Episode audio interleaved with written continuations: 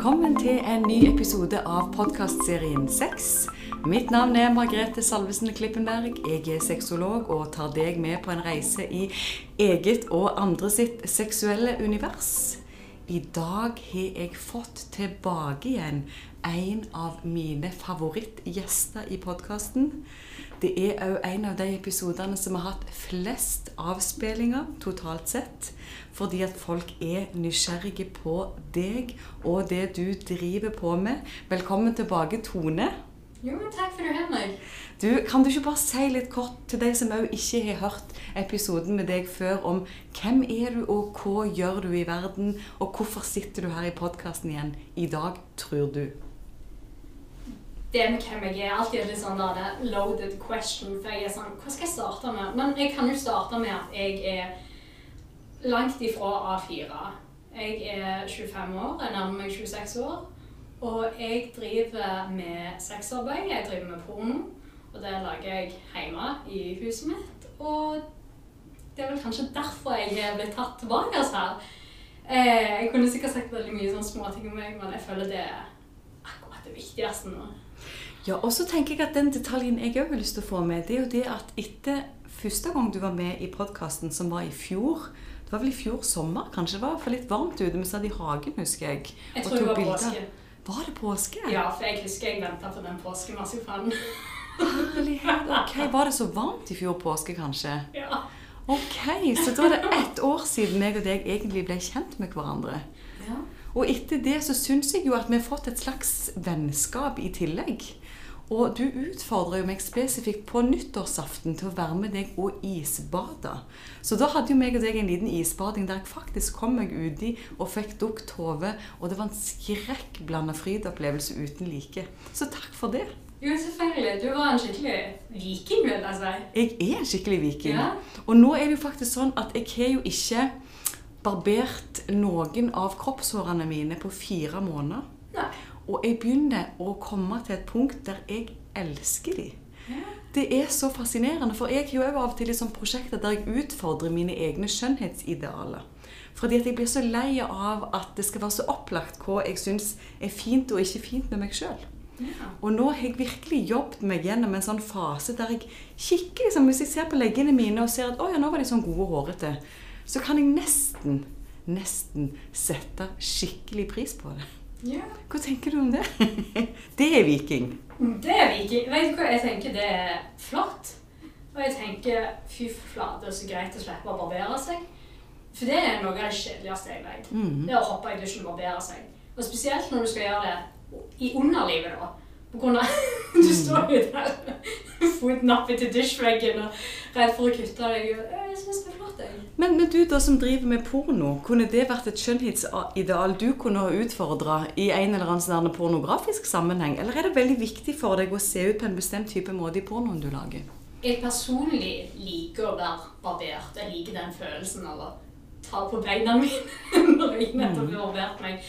Men jeg har jo allerede gjort Jeg har bare gjort én video hvor jeg var veldig hårete da. Hvor jeg gjorde en sånn Poison Ivy-video, så da følte jeg det var naturlig å ha litt mer sånn naturlig stil på det. Og for de som ikke vet hvem hun er, så er hun ei slags plantedame. ja. I DC-universet. Ok. Ja, jeg, dette vet jeg ingenting om, så det er veldig fint at du liksom supplerer med informasjon her. Siden du har gjort en type Poison Ivy-greie som ikke vi vet hva er. Nei, hun er jo venn med hun Harley Quinn, som mange vet hvem er. Ja. Så det går i det. Uansett, jeg, jeg fant ut jeg vil, jeg vil ikke være barbert pga. jeg følte stilen hennes er litt mer sånn naturlig med denne Folk vil sikkert komme for meg, for jeg kan jeg kan det, men jeg vet ikke hvordan jeg skal beskrive det best mulig for alle. Nei, men du, Tone, du, du sier noe om at du jobber med sexarbeid, og at du driver med porno. Ja. Kan du si litt om din inngang til pornoens verden, og hva det var som gjorde at du trakk mot det? Jeg vil si at jeg Jeg vet ikke når første gang jeg begynte å se porno var, men jeg tror jeg var rundt kanskje 12-13. Og med tida så ble jeg veldig fascinert over det arbeidet. Og ikke bare det, men folk drev med stripping og camgirls og sånt noe. Så jeg begynte å se en del dokumentarer om det, og jeg var veldig fascinert av det i veldig veldig mange år, men jeg gjorde jo aldri noe. For jeg tenkte jeg, jeg kan ikke gjøre det. Så da var det en sånn fascinasjon jeg hadde. Ja, og hva var det med på en måte den måten å presentere seksualitet på som fascinerte deg, tror du? Nei, veldig godt spørsmål. Mhm. Jeg tror det var noe med at det er så intimt og så ekte og så Ikke nødvendigvis at eh, porno er så ekte, men det å fremstille seg på den måten er så ekte, og du kan på en måte ikke kle av deg flere lag hvis, Mhm. hvis jeg får det fram. At eh, det er sånn at du du putter deg ut der og blotte deg sjøl helt. Og jeg syns alltid det var så fascinerende å se folk som gjorde det. For det er ikke bare det at du blotter kroppen din, men det er jo veldig intimt å snakke med noen på en viss måte og skulle gjøre visse, skulle gjøre visse bevegelser og gjøre ting på en seksuell måte. Mm. Så den, det du egentlig formidler her, det er jo den liksom, sårbarheten og intimiteten som òg ligger i det å være blottlagt gjennom måten man presenterer seg på i den pornoen man lager. Ja. Du er veldig mye mer flink med. Eh, Men jeg, jeg må jo prøve å oppsummere det sånn som jeg forstår det, så må Ja, du si men ifra hvis jeg du, du gjør det veldig bra. Du sier det jeg føler. Det er det jeg prøver, det det jeg prøver sånn at vi kan forstå hverandre. Ja, ja, jeg setter veldig pris på det. For jeg er sånn Ja, du, det var spikeren rett på hodet. Ja. Og da, den måten å presentere seksualitet på, som du òg gjør gjennom den pornoen du lager Jeg har jo ikke sett dine pornofilmer. Jeg har av og til lurt på Skulle jeg, skulle jeg sett noe av det Tone lager, siden vi er venner og jeg liker deg og setter pris på deg? Men så har jeg kjent at der går det en grense for meg i forhold til vår relasjon. Nettopp fordi at jeg er vennen din. Jeg er ikke din på en måte sexpartner eller sexkamerat eller elskerinne. Jeg er venninna di. Men, men hva tenker du om det? Er det naturlig at det er sånne grenser mellom venner, eller er det bare noe, er det bare ei sperre jeg har, kanskje? Jeg skal si det at jeg har flere venner som har meldt seg på av ren nysgjerrighet. Mm. Og de har sagt til meg du, jeg meldte meg bare inn grunn jeg vil jeg er så nysgjerrig. Sånn, jeg vil bare se hva du gjør, og hvordan du gjør det. Så jeg føler det er mer individue- individuelt. Mm. På grunn av jeg er mer sånn Jeg, jeg er det totalt omvendte av en voyeur. Jeg er ikke interessert i å se andre ha sex. Jeg er ikke, interessert, jeg er ikke interessert i å vite om det. Mm. Det er sånn, Hvis du sier jeg er sex, så jo jo, det er kult, nok, men jeg vil ikke vite detaljer. liksom. Mm. Så jeg tror det er mer sånn alt etter hvilken slags person du er. Mm. Men jeg har ingenting imot å være naken rundt andre eller snakke mer sånn generelt om sex med andre og venner og sånt. Men jeg har ikke noe behov for å Mm. ha noen detaljer i livet mitt nødvendigvis. Så jeg tror det er sånn grense vi alle må sette med oss sjøl. Jeg er helt enig, fordi vi har ulike personlige grenser der.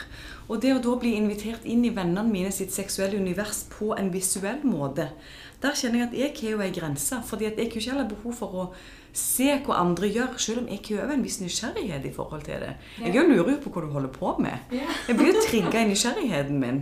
Men allikevel så er det en grense for meg der, fordi at seksualitet òg er personlig for meg òg med de som jeg er glad i å sette pris på. Ja. Det samme med mine nærmeste venninner. Jeg har jo ikke behov for å sitte i et hjørne på soverommet når de har sex med mennene sine. Nei. Så det, litt, det føles litt likt for meg gjennom det å skulle se på den pornoen som du lager når jeg kjenner deg fra før. Fordi at jeg kan jo sette pris på god porno og fin porno og ekte porno. Og jeg ser jo at mye av du gjør, er jo i tråd med det som jeg òg hadde syntes var interessant. Fordi at det er så ekte, det du viser, syns jeg, gjennom måten du formidler det på. Ja.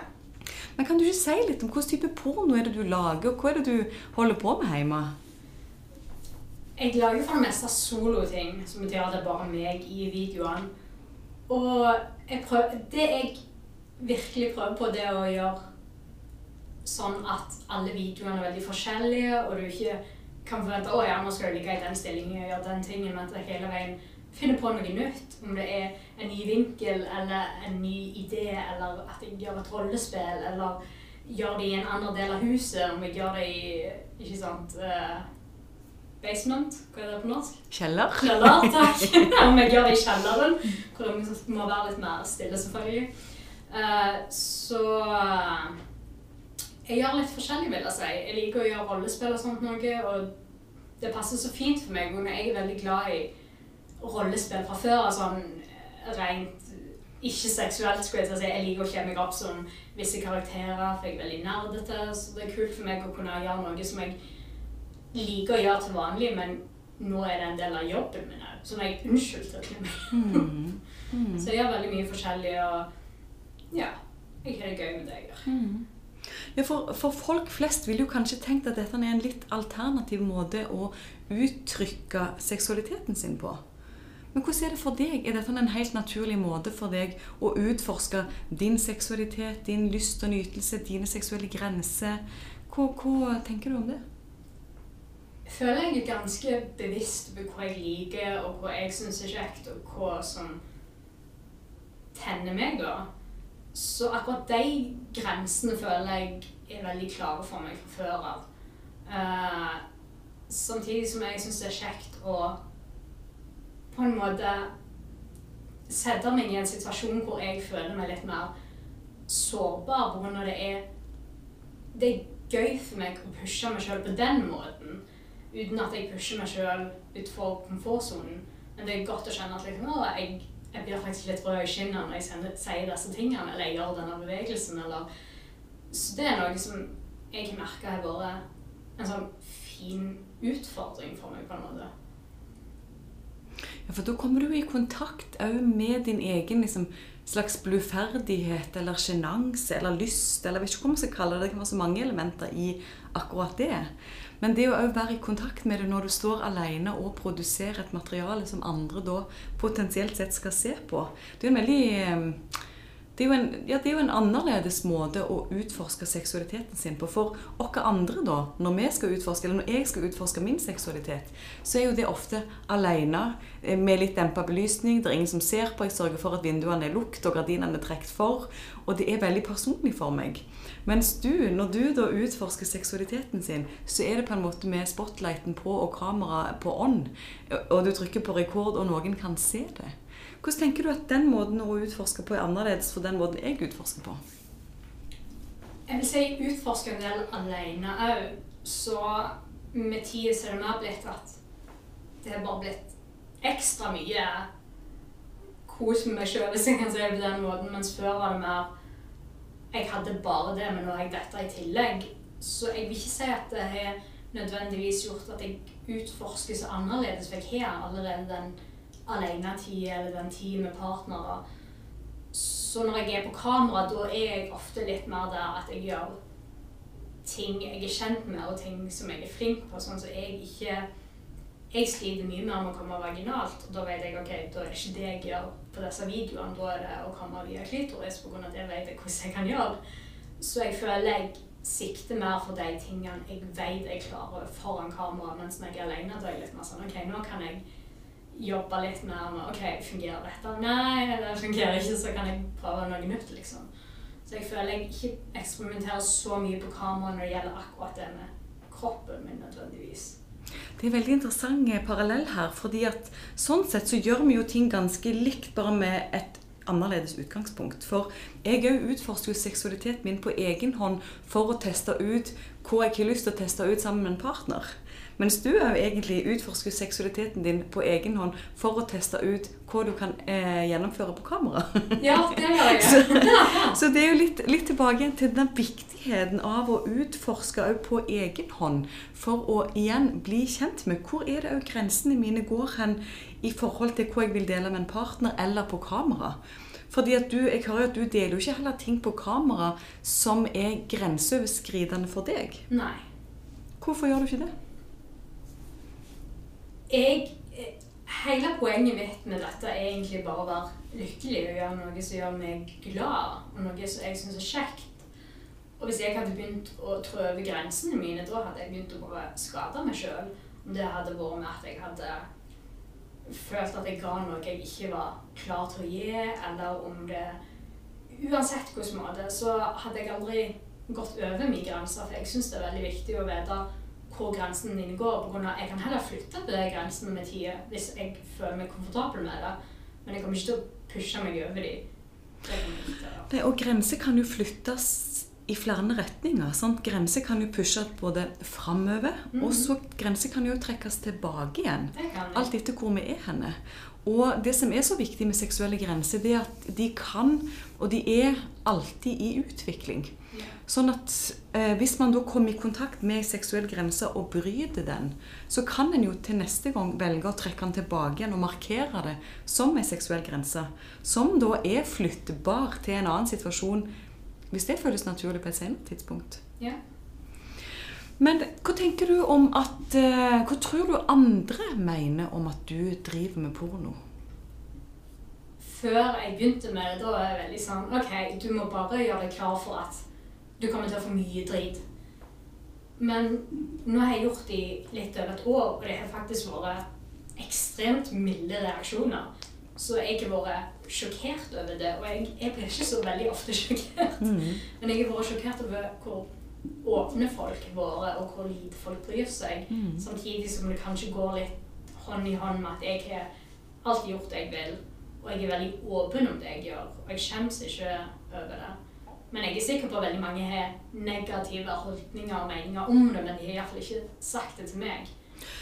Nei, og det er litt min erfaring òg. Så når meg og det kom ut med denne episoden, så fikk han ganske mye oppmerksomhet. Men oppmerksomheten rundt han syns jeg òg var veldig overraskende positiv. For det var mer sånn eh, rommende og inkluderende, og jeg har ikke fått noe pes på dine vegne i forhold til den episoden vi lagde sist gang. Og det syns jeg var så utrolig inspirerende. Det gjorde meg jo veldig sånn glad. For jeg tenkte at ok, da, da er det kanskje òg plass til deg og din måte å uttrykke deg på allikevel. Men kjennes det sånn ut for deg? Jeg fikk litt sånn frysninger.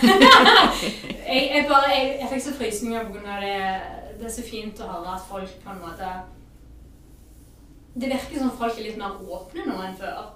Og det tror jeg er noe med tida som forandrer seg, og sosiale medier sikkert, og man blir litt mer Man får litt mer input på forskjellige områder. Men jeg eh, Jeg syns det er helt fantastisk at folk kan være så åpne om det. og ja. Jeg totalt avspurt for spørsmålet, men jeg, Ja, jeg, jeg- kom, jeg, fikk frysninger, så da var det gjort. Jo, men frysninger er jo så deilig å kjenne på når kroppen reagerer positivt på et eller annet som blir formidla. Det er jo Ja. kjempefint å kjenne på frysninger. Jeg elsker frysninger. Ja. Men du ehm, altså det, det Når jeg jobber med sexarbeid, holdninger til sexarbeid eller sexarbeidere generelt For jeg er jo i kontakt med en del mennesker som driver innenfor sexarbeid. Og noen av de eh, oppsøker jo hjelp fordi at de ønsker eh, å få hjelp til å komme seg ut av sexarbeid. Noen tar kontakt fordi at de ønsker støtte og hjelp til å bli romma i det de driver på med. Og så ser jeg jo at innenfor mitt fagfelt og veldig mange andre fagfelt, så syns jeg det er to holdninger som spiller seg litt ut.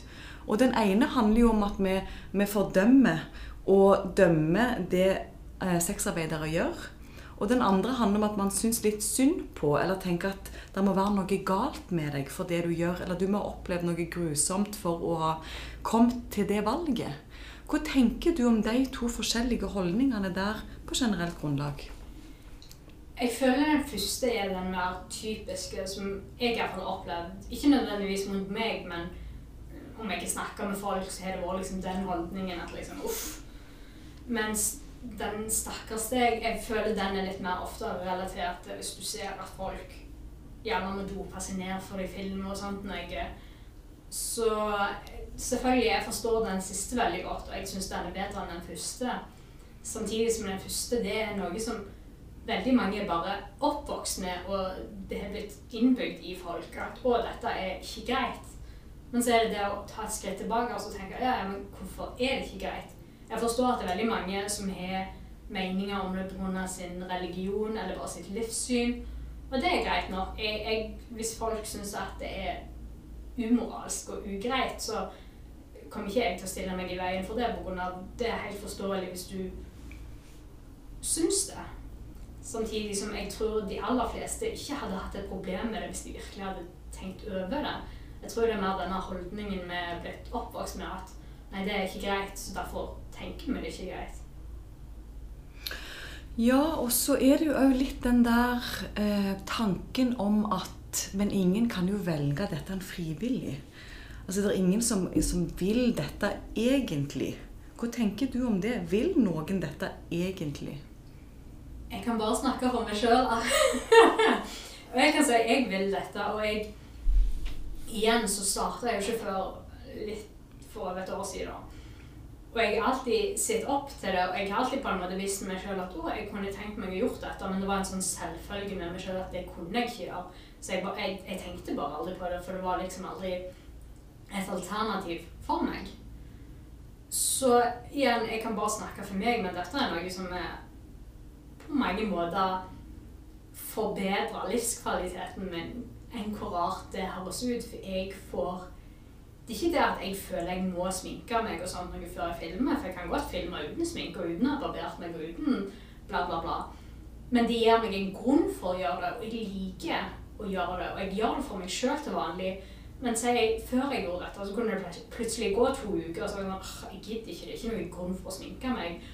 Og jeg vet jeg burde gjøre det for meg sjøl, men jeg, det er ikke alltid jeg klarte å pushe meg til det. Så nå har jeg en grunn for å gjøre det. Mm. Og jeg føler ikke jeg må gjøre det, for hvis jeg ikke har lyst, så kommer jeg ikke til å sminke meg eller fikse neglene mine og sånn. Men nå det er som en sånn ekstra motivasjon.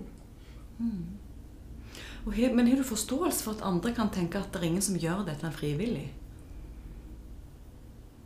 Jeg kan på en måte det. Altså, jeg forstår jo at det er noen som har et spesielt sterkt syn på det, og et negativt syn på det, da.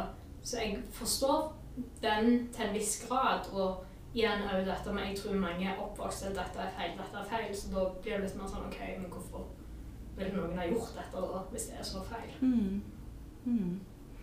Jeg syns jo det er kjempeinteressant å skille ut sexarbeid eh, altså det frivillige sexarbeidet som bidrar til folks livskvalitet og evnen til å ta egne frie valg og leve det livet man sjøl vil med, med, det sexarbeidet som handler om menneskehandel og tvungen prostitusjon og brudd på, alvorlig brudd på menneskerettighetene, og ikke sammenligne de to måtene å drive sexarbeid på, fordi at det ikke er sammenlignbart.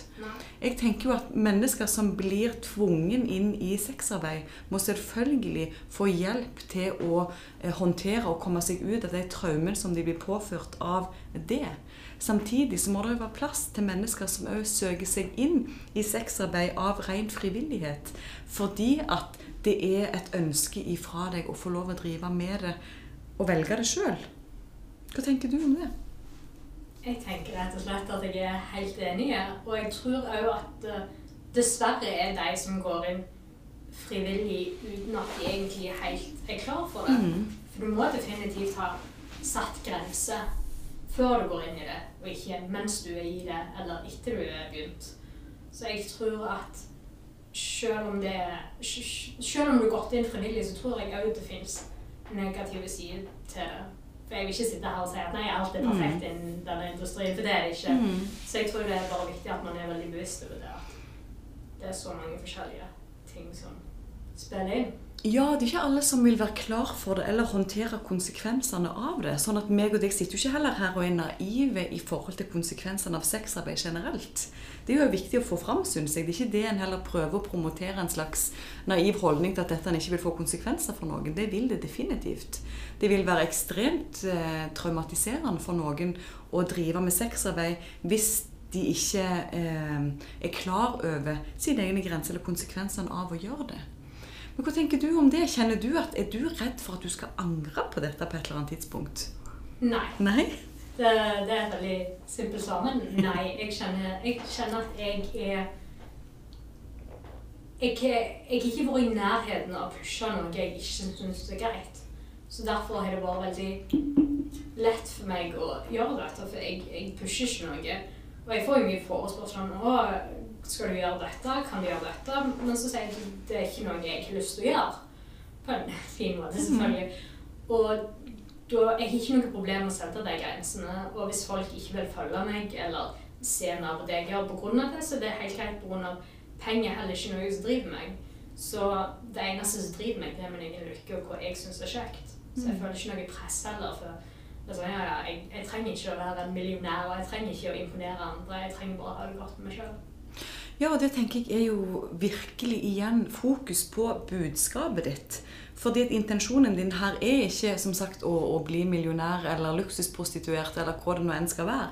Eh, målet ditt her er å gjøre noe som gir mening for deg. Og da er det jo mye enklere å drifte noe som kommer fra deg og din personlighet og din natur igjen i forhold til å gjøre det som gir glede og mening for deg. Men det er jo mange nå, det er en del diskusjoner rundt dette med sexkjøpsloven og hvordan den skal organiseres annerledes. Veldig mange ønsker jo å endre den til å legalisere sexarbeid og regulere det på lik linje med andre selvstendig næringsdrivende, sånn at man eventuelt får eh, retten til å betale skatt og få sykemelding og pensjonssparing. Altså, Hva er dine tanker rundt det? Jeg kan si jeg er helt for det enn så lenge at det er gjort på en skikkelig måte. for du setter deg selv i en veldig sårbar situasjon hvis du begynner å gjøre dette uten at det er noe forhåndsregler tatt, og at det blir gjort på en skikkelig måte. Mm. Så jeg er for det, mm. samtidig som jeg vil òg at da skal det sørges for at det blir gjort på en skikkelig måte. Mm. Og at det ikke er bare noen som skal jeg si, måtte stå ute i gata og ja, ta til seg hva slags, helst kunder, for det er jo veldig skremmende. For du er så sårbar i den situasjonen. Så jeg er 100 for det enn så lenge det er gjort skikkelig. Ja, for sexarbeid, Hvis vi snakker om sexarbeiderindustrien generelt, så er jo, har jo den vært en del av den strukturelle volden mot kvinner i alle år. Altså Sexarbeiderne sine rettigheter er ikke blitt ivaretatt.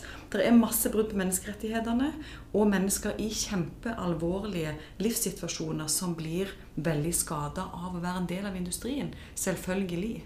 Hva er dine holdninger rundt det? Hva er forskjellen på måten du praktiserer sexarbeid på, og måten andre mer blir tvungen inn i strukturell vold, hvis vi skal kalle det det?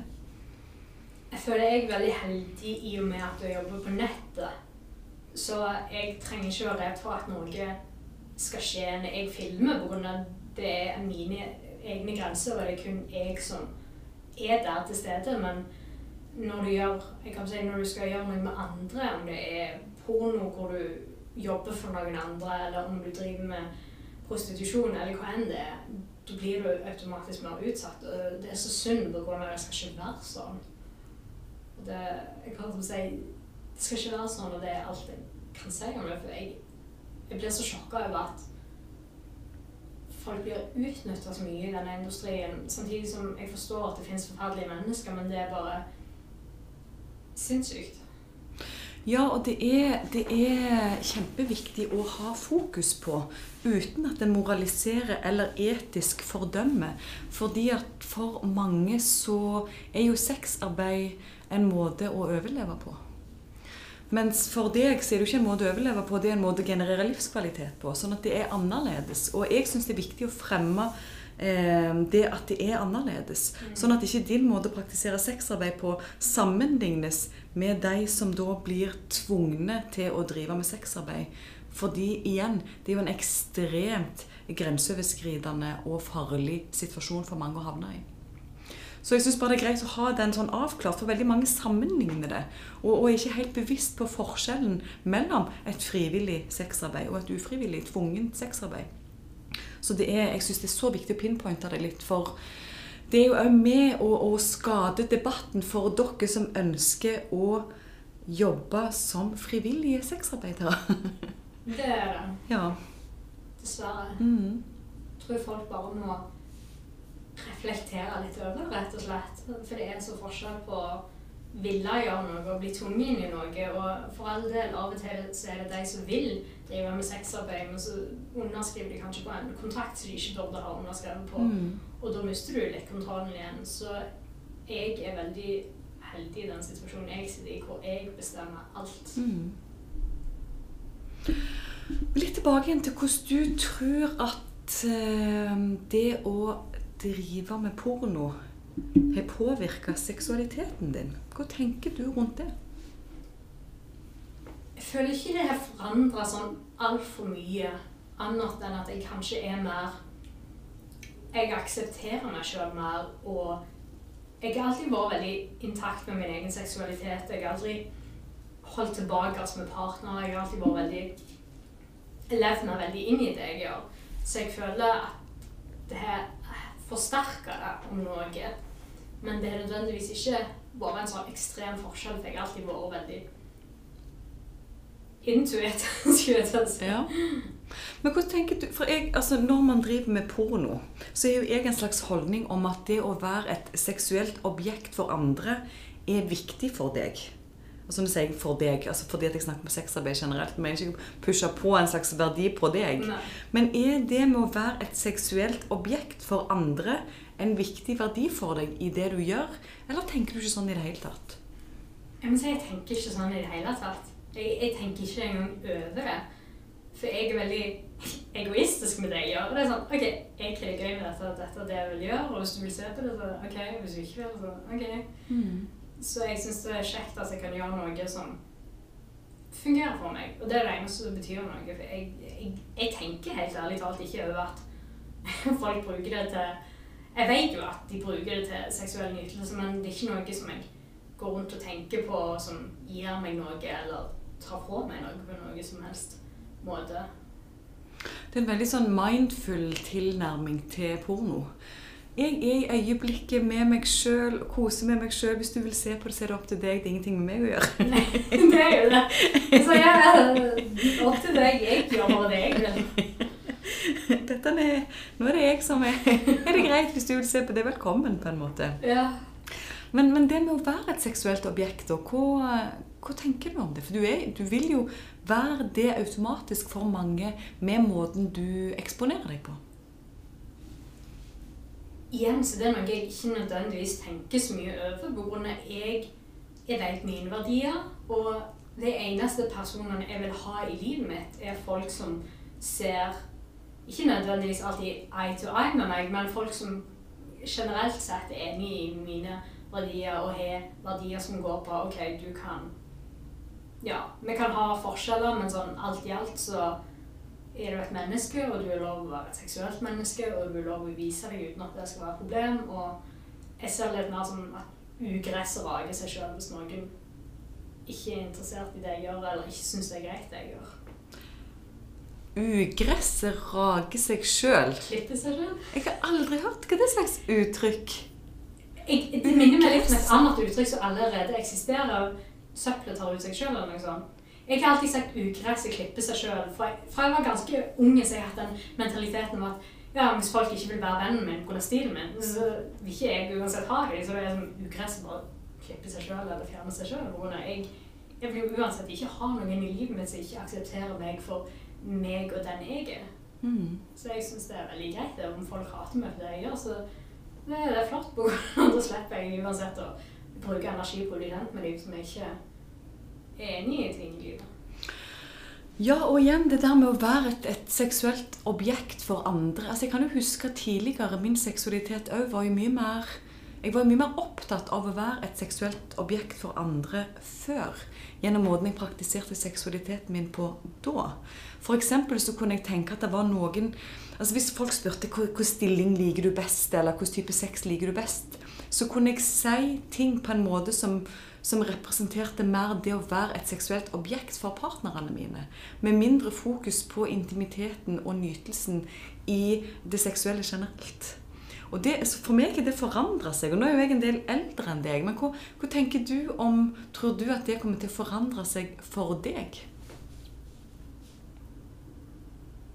Det kommer nok til å forandre seg på visse områder, for jeg tror ikke at jeg er utlært og hele pakka nå. Samtidig som jeg tror ikke jeg kommer til å forandre meg ekstremt mye. For igjen, jeg får veldig intakt med hvem jeg er, og hva jeg vil, og hva jeg syns.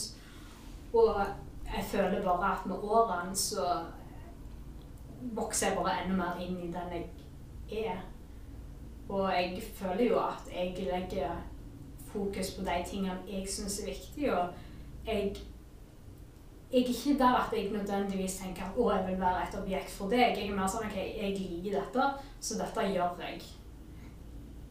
Så jeg er egoistisk, samtidig som jeg selvfølgelig vil ta vare på behovene til mine partnere. Ja, og det, det med egoisme er jo så beredt fordi at det å ivareta sine egne behov er jo selve fundamentet i å bevare og skape livskvalitet.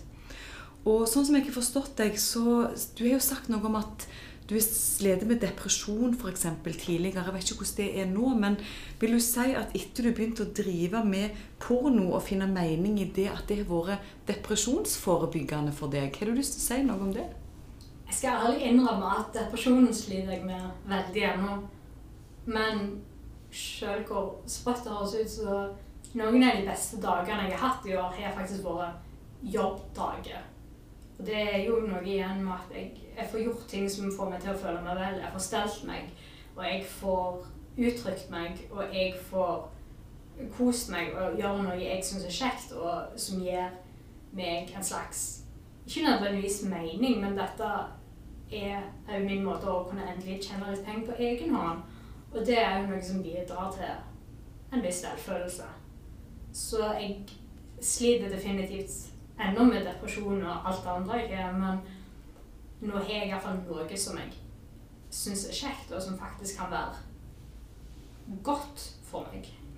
Ja, for Når du da sier at du, du ennå sliter med depresjon, hvordan, hvordan, ser depresjon ut i ditt liv? Hvordan påvirker det deg?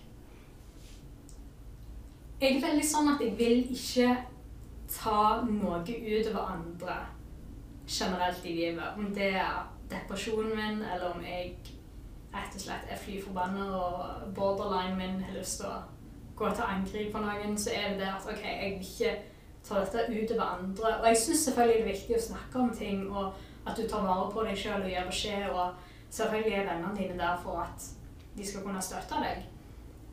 Jeg er derimot veldig sånn at jeg jeg blir trist av å gjøre andre trist. Så hvis jeg snakker for mye om det, da blir jeg bare mer deprimert i lengden. På grunn av da ser jeg at det er rundt meg blir lei seg, så da blir det en sånn ond sirkel.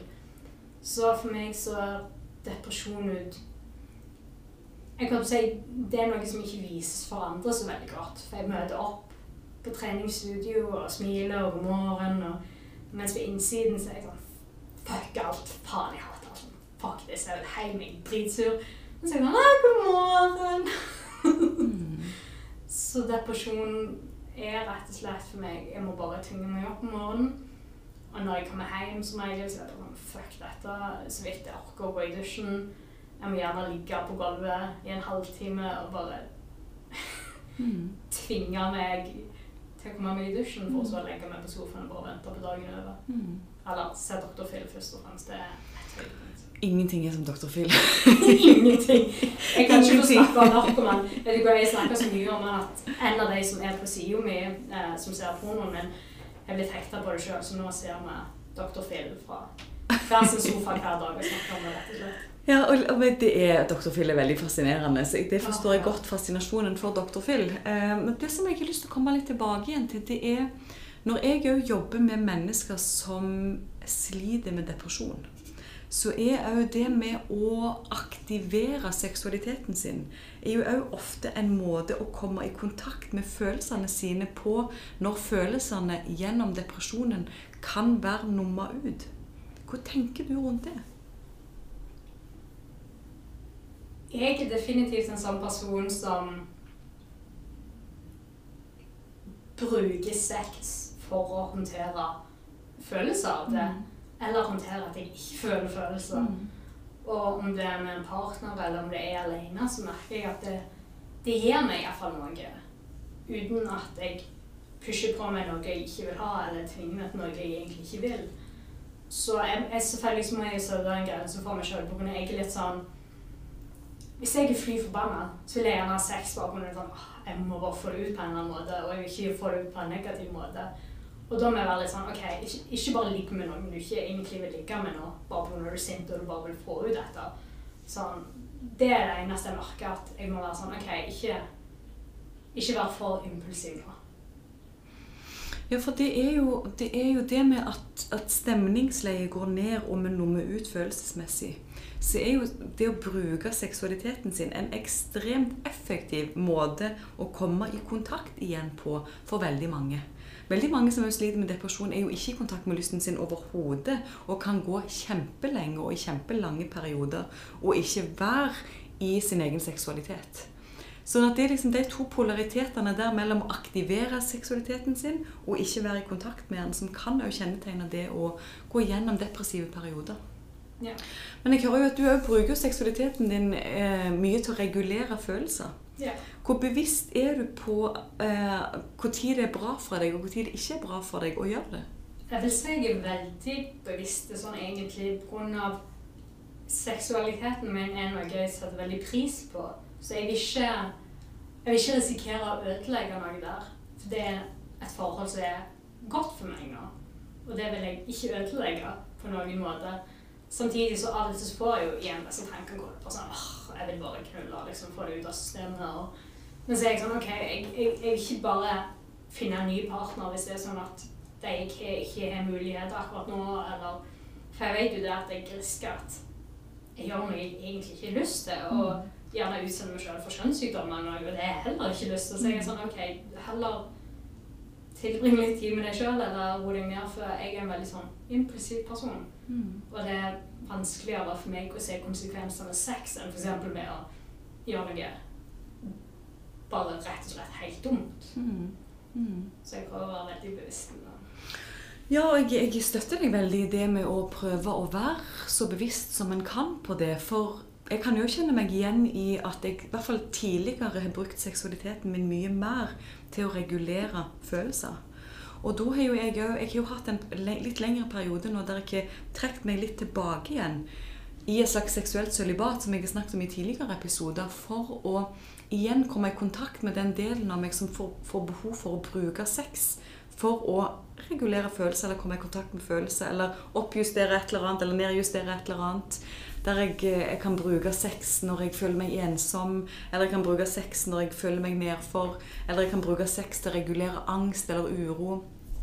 Så det å faktisk òg bli bevisst på hvilken plass seksualiteten og sex skal ha i livet mitt, forankra i meg sjøl, før jeg deler det med partnere igjen, er kjempeviktig. I hvert fall i min forståelse av min seksualitet, der jeg er akkurat nå. Hva tenker du om det? Jeg tenker at du er veldig reflektert, og jeg blir bare litt sånn tom for ord når jeg snakker med deg. Du er så flink å pinpointe ting og sier det på en skikkelig måte, og du er veldig gjennomført når det gjelder alt med deg sjøl, og det beundrer jeg. Så jeg, jeg er helt enig. Jeg tror det er viktig å være bevisst på hva, hva du kan gjøre for å sørge for at du yter det meste av sexlivet ditt. Og akkurat nå er jeg veldig fornøyd med hvor jeg er, samtidig som jeg prøver hele veien å være bevisst med meg sjøl, hva, hva jeg kanskje har godt av, og visse ting må jeg jobbe med pga. jeg er kanskje litt mer avstengt pga. tidligere hendelser og sånt noe. Så jeg føler på en måte jeg ennå jobber med en del ting, men jeg gjør iallfall en bevisst Jeg gjør det iallfall bevisst. Ja, og da, så, så lenge man gjør det bevisst og ser òg på sitt eget liv som en kontinuerlig prosess for å forstå seg sjøl bedre, og at man da er i forandringsprosess, og at en aksepterer der en er til enhver tid, er kjempeviktig, syns jeg. Uten at man går inn og eh, bedømmer seg sjøl så negativt hele veien. Den der selvkritiske stemmen som bare er i hodet og skal fortelle oss hvor utrolig kjipe mennesker vi er hvis vi ikke lever opp til de enten forventningene vi har til oss sjøl, eller de forventningene vi tror andre har til oss, eller de forventningene andre faktisk har til oss. Så det er noe med å faktisk komme i kontakt med hva er det som er meningsfullt for meg. Hvilket liv vil jeg ha? For til syvende og sist er det jo bare du som skal leve ditt liv, og jeg som skal leve mitt liv. Og det er vi som må ta stå til ansvar for det. Det er jo ikke noen andre. Nei. Nei, jeg er helt enig. Nei. Det, det ble litt sånn rart tonefall der på når jeg var sånn Oi, Chris, dette Igjen, jeg, jeg ble sånn Jeg ble så fascinert, for du er så flink mor og Nei, det er så, Enig. ja, jeg- det, ble litt feil. Det var bare sånn jeg, jeg ble helt sånn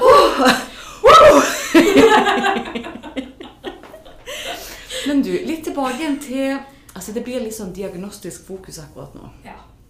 For du har jo òg en diagnose som kalles emosjonelt ustabil personlighetsforstyrrelse, borderline-type. ja. Hva betyr den diagnosen for deg? Og hva kjenner du deg igjen i i de liksom mer sånn diagnostiske kriteriene for å ha den diagnosen? Hvilke symptomer har du? Jeg merker veldig mye på det at jeg Jeg vokste opp rundt noen som hadde noe lignende, iallfall om ikke det samme. Jeg skal ikke uttale meg om det. Men jeg vokste opp med noen som har veldig mye av de samme tingene som meg, eller det jeg sitter inne med, iallfall.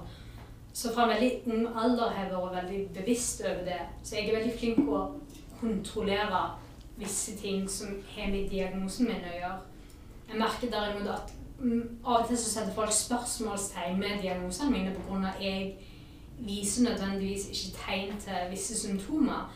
Men det er pga. at jeg er så bevisst at hele veien jeg, jeg vil ikke være den personen, jeg vil ikke gjøre disse tingene. Og det betyr ikke at jeg ikke kjenner på dem, det betyr bare at jeg ikke slipper dem ut. Så det er mer sånn jeg, jeg vil heller legge meg over bomba sprenge sjøl enn å bare kaste bomba og liksom Lykke til til dere. Ja, for, men for andre som ikke kjenner til den diagnosen, hva vil du si? Altså, hva er kjennetegnene sånn som du kjenner til diagnosen? Det er jo en del forskjellige ting, annet uh, veldig varierende sjølbilde, annet. Det kan fleksuere, er det rett ord? Jeg er litt usikker. Dere som skjønner, dere skjønner. Det kan bytte veldig, og gå liksom, plutselig kan det være sånn Å, du er jævla flott. Og så et annet øyeblikk kan være sånn Fy faen, du, du er det styggeste mennesket jeg noen gang til meg sjøl. Så jeg kan være veldig sånn, og så kan jeg være jeg, jeg oppfatter ting av og til annerledes enn folk mener de. Og jeg føler veldig sterkt på det. Men jeg, igjen så er jeg veldig flink på å være bevisst på at ok, jeg er sånn, så da prøver jeg å stille meg selv de spørsmålene. Ok, men hvis du var den personen, hva, kanskje egentlig jeg mente det sånn? Og òg det med at jeg Jeg får veldig lyst til å lære seg ut. Jeg gjør det bare aldri. For jeg, igjen, det var noe jeg vokste opp rundt. Så jeg er veldig bevisst over at når jeg er der at jeg er ett sekund fra å klikke totalt og liksom ville spenne der det gjør vondest, og trekke meg tilbake og spørre nei, du, du vet at du ikke vil være denne personen. Men jeg kommer veldig nær og ville bare ødelegge alt rundt meg. Og det er noen av de tingene som er borderline, da. Men det er veldig mye sånn forskjellige små ting. Så det er, Ja, det er veld, og det er veldig forskjellig fra person til person hvordan det spiller seg ut. Men det er jo som du sier, den der polaritetstenkningen mellom enten-eller i mange situasjoner kan jo være framtredende for mange. Og òg den der impulsiviteten som du beskriver. Den der litt eh, manglende evnen til å tenke konsekvenser i noen situasjoner. Der man er mer impulsstyrt. Og òg styres mer ut ifra følelser som kan svinge mer enn for veldig mange andre. Og så er det jo òg sånn at for noen så er det en slags det som ligger i personlighetsforstyrrelsen generelt, kan jo være en slags grunnleggende følelse av tomhet som må fylles opp med et eller annet såpass sterkt som gir mening for å være i kontakt. Og der er det jo òg veldig mange med den diagnosen som du har, og som du beskriver, som bruker seksualiteten sin for å fylle opp i forhold til den tomheten som kan være litt på innsida. Men er det noe du kjenner deg igjen i?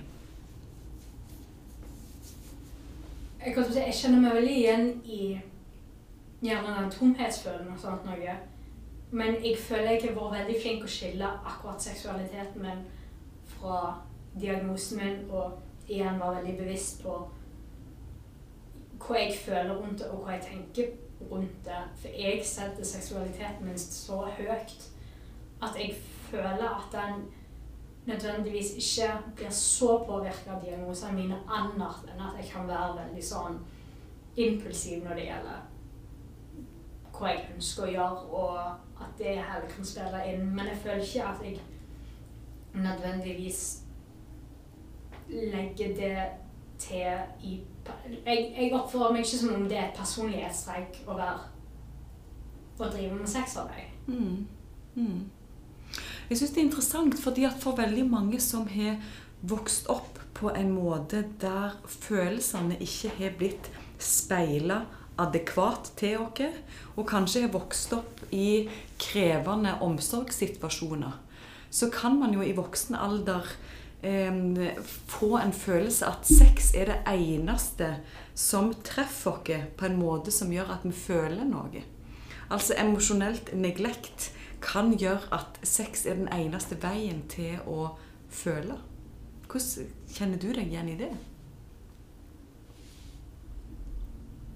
Til en viss grad så merker jeg jo det at når jeg er down in the dirt, så er det liksom ah, Sex er det som virkelig kunne fått meg ut av dette. Mm. Samtidig som jeg er veldig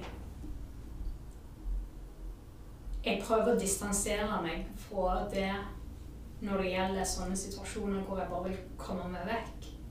For jeg vet at én ting er å deale med disse følelsene og tankene, men en annen ting er igjen jeg vil ikke skyggelegge noe i sexlivet mitt. Jeg vil ikke gjøre noe som kan skade sexlivet mitt.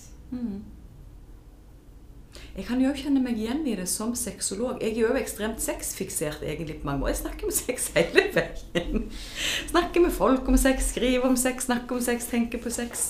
Jobber alltid med å liksom utarbeide et eller annet nytt sexologisk innhold. Driver podkast, jobber som sexolog. Altså, Veldig mye av det jeg òg gjør, handler jo om å regulere følelser med sex. Ja. Bare på en litt annen måte. Fordi at den er jo veldig aktivert i meg og min personlighet, og har alltid vært det. Siden jeg var liten og fram til i dag. Bare at det har tatt nye former for meg. Så, så det, jeg syns bare det er litt interessant å se hvordan det mm, spiller seg ut ulikt. Men sexen er jo fremdeles der. Mm. Det er jo sex i miksen her. sant? Du driver med porno, jeg er sexolog. Men det er jo sex vi jobber med begge to. ja.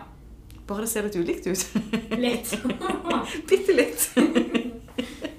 Men ok, la oss dra det litt, litt ut ifra den emosjonelt ustabil personlighetsforstyrrelse, borderline-type, som er et evig langt ord og begrep. Det Og litt inn i Er du klar for litt mer diagnosesnakk? Ja, Se på. Du nevnte at du har en PTSD-diagnose. Ja. Posttraumatisk stresslidelse. Hvordan spiller den seg ut hos deg? Jeg skal starte med å si at jeg har PTSD fra forskjellige ting. Først og fremst så jeg har det pga. forskjellige ting og pga. forskjellige hendelser. Mm. Så jeg merker det at når det gjelder sexlivet mitt, så merker jeg ikke at den spiller veldig inn. For alle, det kan godt være at han gjør det på en slags veldig underbevisst måte. Men om noe så jeg merker det at jeg er mer sånn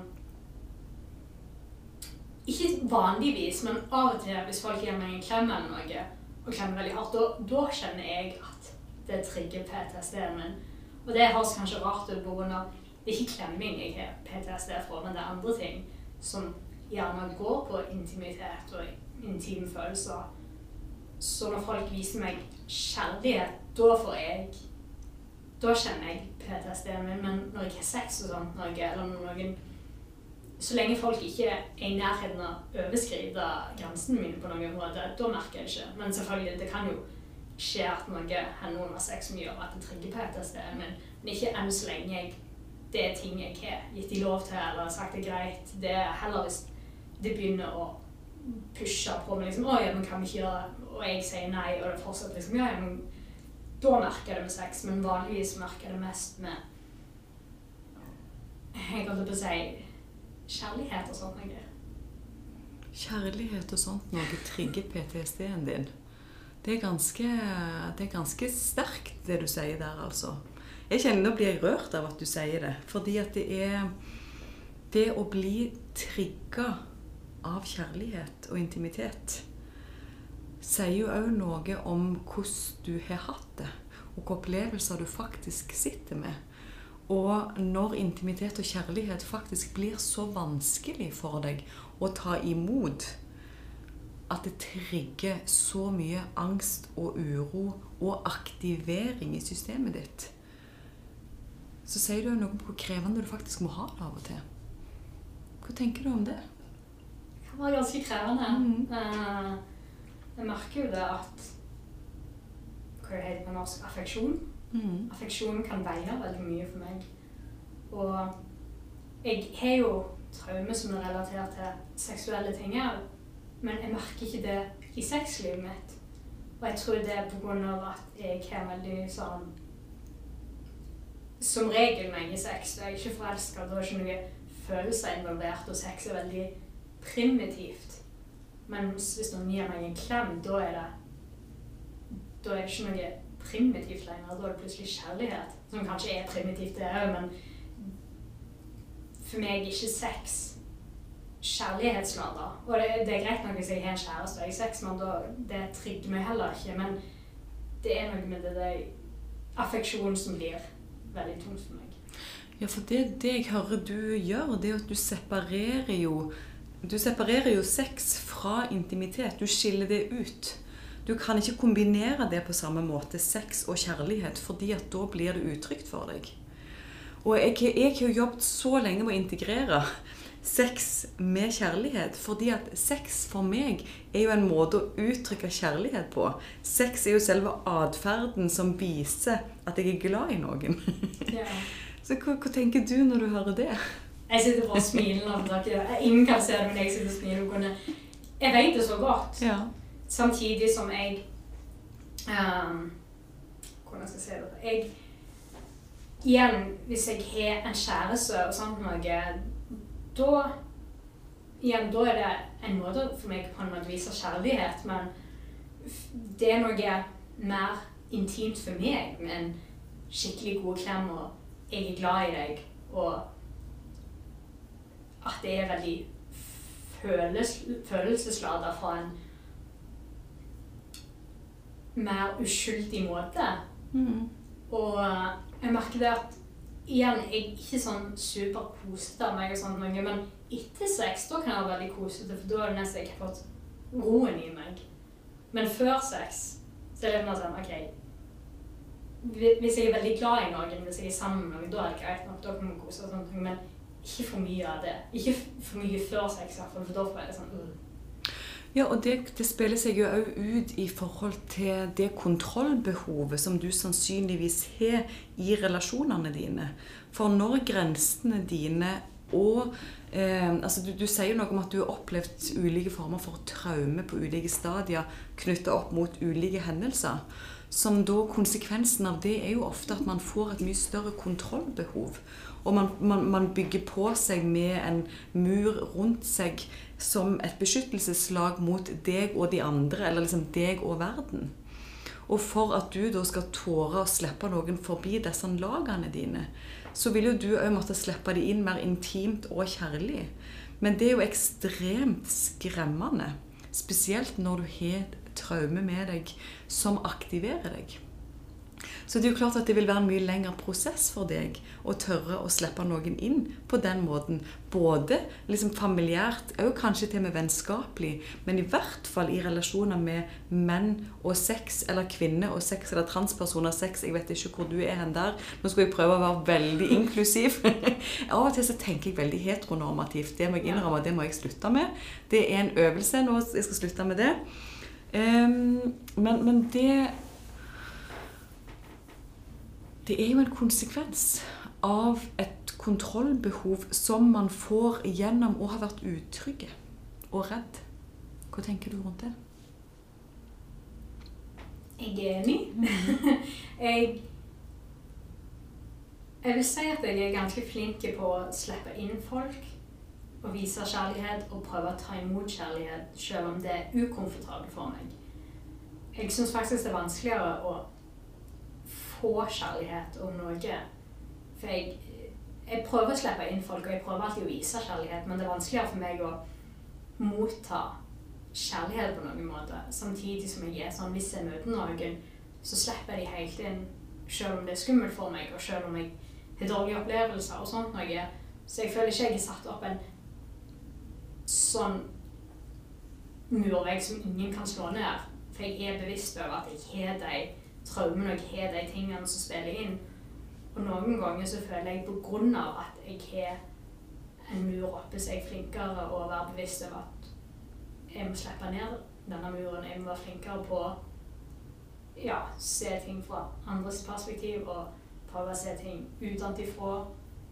Så jeg føler ikke nødvendigvis at jeg er helt avlukka fra kjærlighet. Jeg vet bare at det kan trigge meg.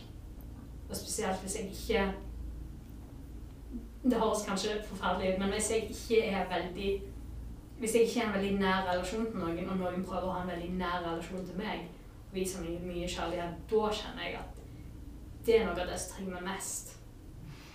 Ja, og det, det ligger jo litt i premissene her, fordi at når du da ikke har erfart hvordan man gir og tar imot kjærlighet, så vil jo kjærlighet være en trigger for utrygghet som du da ikke kjenner deg igjen i.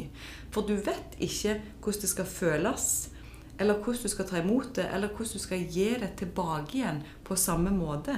Og derfor så, igjen, så vil jo det produsere angst i ditt system, og ikke nødvendigvis de samme positive følelsene tilbake.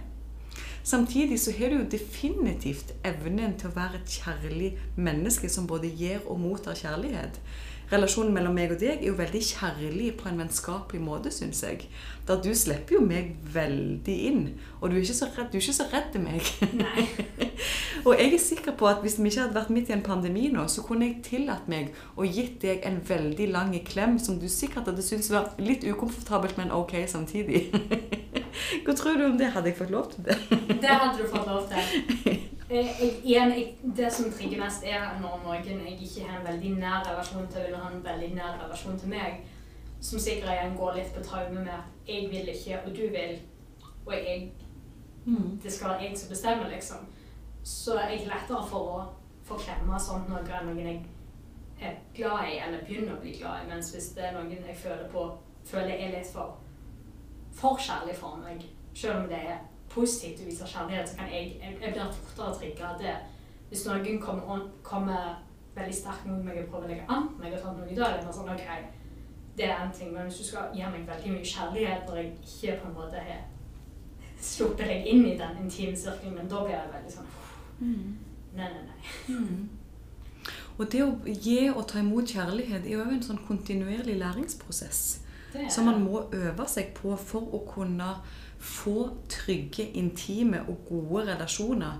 Der igjen man er trygg på hverandre, der man tør å vise og ta imot kjærlighet. Før, når jeg var sikkert jeg var på din alder og litt yngre, det å ligge på en måte i fanget til vennene mine og bli kost på eller strøket på, det syns jeg var så krevende. Og de var jo så kosete og kjærlige, nettverket mitt. Heldigvis har jeg det samme nettverket i dag, og det har jo sett min utviklingsprosess. ja. Så de er jo veldig glad for alt jeg har fått til på de årene der. Men, men det var òg krevende for meg å ta imot intimitet og nærhet fra vennene mine på den måten. Så her, poenget er at det er håp, det er håp, Tone. For at om ti år så sitter jeg og stryker på deg, og du syns det er godt. Ja, jeg, jeg jobber i hvert fall med meg sjøl. Jeg, er- jeg er veldig bevisst på hva problemene mine er. Mm. Og jeg tror det er det viktigste. At du i hvert fall du vet hva problemene dine er. Mm. Og når du kjenner at det fremtrer, så prosesserer du det og Mm. reflekterer. Jeg er veldig enig i det. Oppmerksomhet på hva man faktisk strever med, og hvordan det spiller seg ut i livet. På en måte som gjør at enten så kan du forholde deg til det, eller så kan du ignorere det, men det er et valg du tar. Nå velger jeg å ignorere problemene mine, men jeg ser at du er der på en måte. Det er jo kjempeviktig, som ikke undertrykker følelser som kommer opp hele veien. For følelser med undertrykket vokser seg jo bare større eller sprenger seg ut på en eller annen måte. Ok, denne episoden har tatt dere i mange forskjellige retninger. Vi hadde jo ikke planlagt noe på forhånd, og jeg liker ikke heller å planlegge så mye på forhånd, for jeg liker å snakke det som kommer til meg i øyeblikk for øyeblikk, eh, uten at det er så eh, planlagt. Og jeg vet at du har jo ikke heller fått noen spørsmål på forhånd, så du snakker bare med utgangspunkt i liksom, det spontane som oppstår i møtet mellom meg og deg i dag. Ja. Men er det et eller annet vi ikke har snakket om som eh, vi skulle snakke om, eller en forventning du hadde, eller noe du hadde forberedt deg på?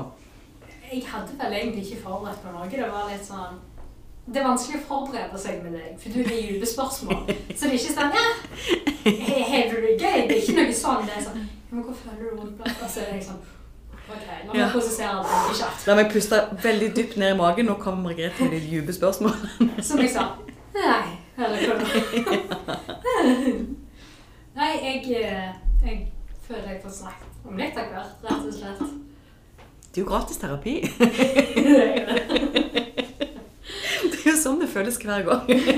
Ja, men det hadde det. ikke det er greit? Jo, det er godt med en god prat om litt av hvert som du ikke snakker om i en hverdagslig situasjon. Ja, og det å faktisk eh, bli mer bevisst på hva det er som styrer oss, er jo viktig for alle. Om man er sexarbeider eller sexolog, spiller jo ingen rolle. Det, vi, vi jobber med seksualitet, begge to. Og det å være bevisst på din egen seksualitet og andres seksualitet, og hvordan det spiller seg ut i din livskvalitet, er jo det som er viktig i mitt perspektiv og mitt syn på det, i hvert fall. Ja. Men hva tenker du om rollen som sexolog? Du kunne tenkt deg å, å jobbe med det?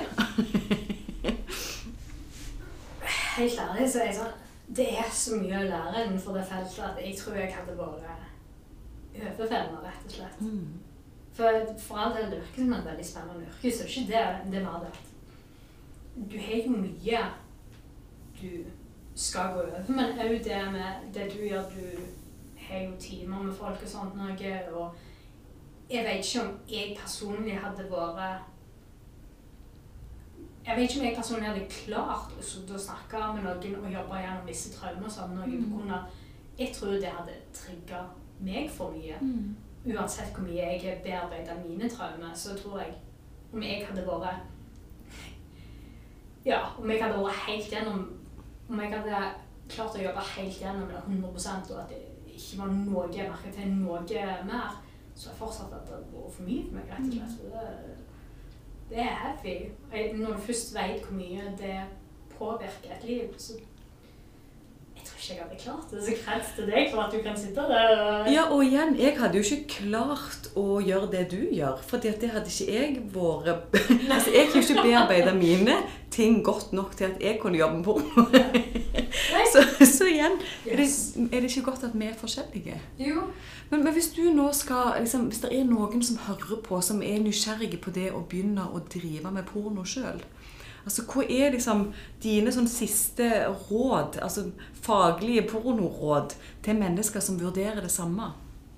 Det første er iallfall tenk deg græla godt om, og òg være bevisst over at det fins veldig mange som har negative holdninger til dette.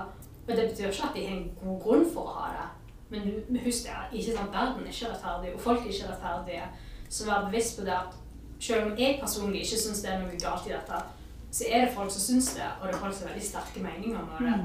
Så bare vær forberedt på at du kommer kanskje til å få veldig negative kommentarer og stygge blikk og sånn. Okay. For meg er ikke det noe som plager meg, for jeg er 100% ok med det jeg gjør, så jeg kjenner det bryr meg ikke. Så før du begynner med dette, så iallfall vær bevisst på det. Og en annen ting som er veldig viktig før du begynner med dette, er vær bevisst på grensene dine før du begynner. Ikke begynn med å si sånn Ja, jeg kan prøve dette og dette. Vær bevisst sånn. Ikke, og ikke gjør noe du ikke har lyst til, eller og heller ikke la penger diktere noe. Hvis noen vil gi deg 10 000 for noe lite, så ikke gjør det, selv om det er sånn Ja, ja, jeg, jeg kan strekke meg til det. Ikke strekk deg til noe. Så utenom det, så ha det gøy og være bevisst, egentlig. Det er det beste rådet jeg kan gjøre. Tusen takk for gode råd, og tusen takk for at du har gjester igjen i denne podkasten min. Og du blir sikkert invitert tilbake. Oh, yes. og takk for i dag, og ha det godt. Ja, tusen takk for at du hadde meg. Tusen takk for at jeg hadde deg, faktisk. Perfekt avslutning. En veldig seksualisert og god avslutning. ha det godt. Ha det.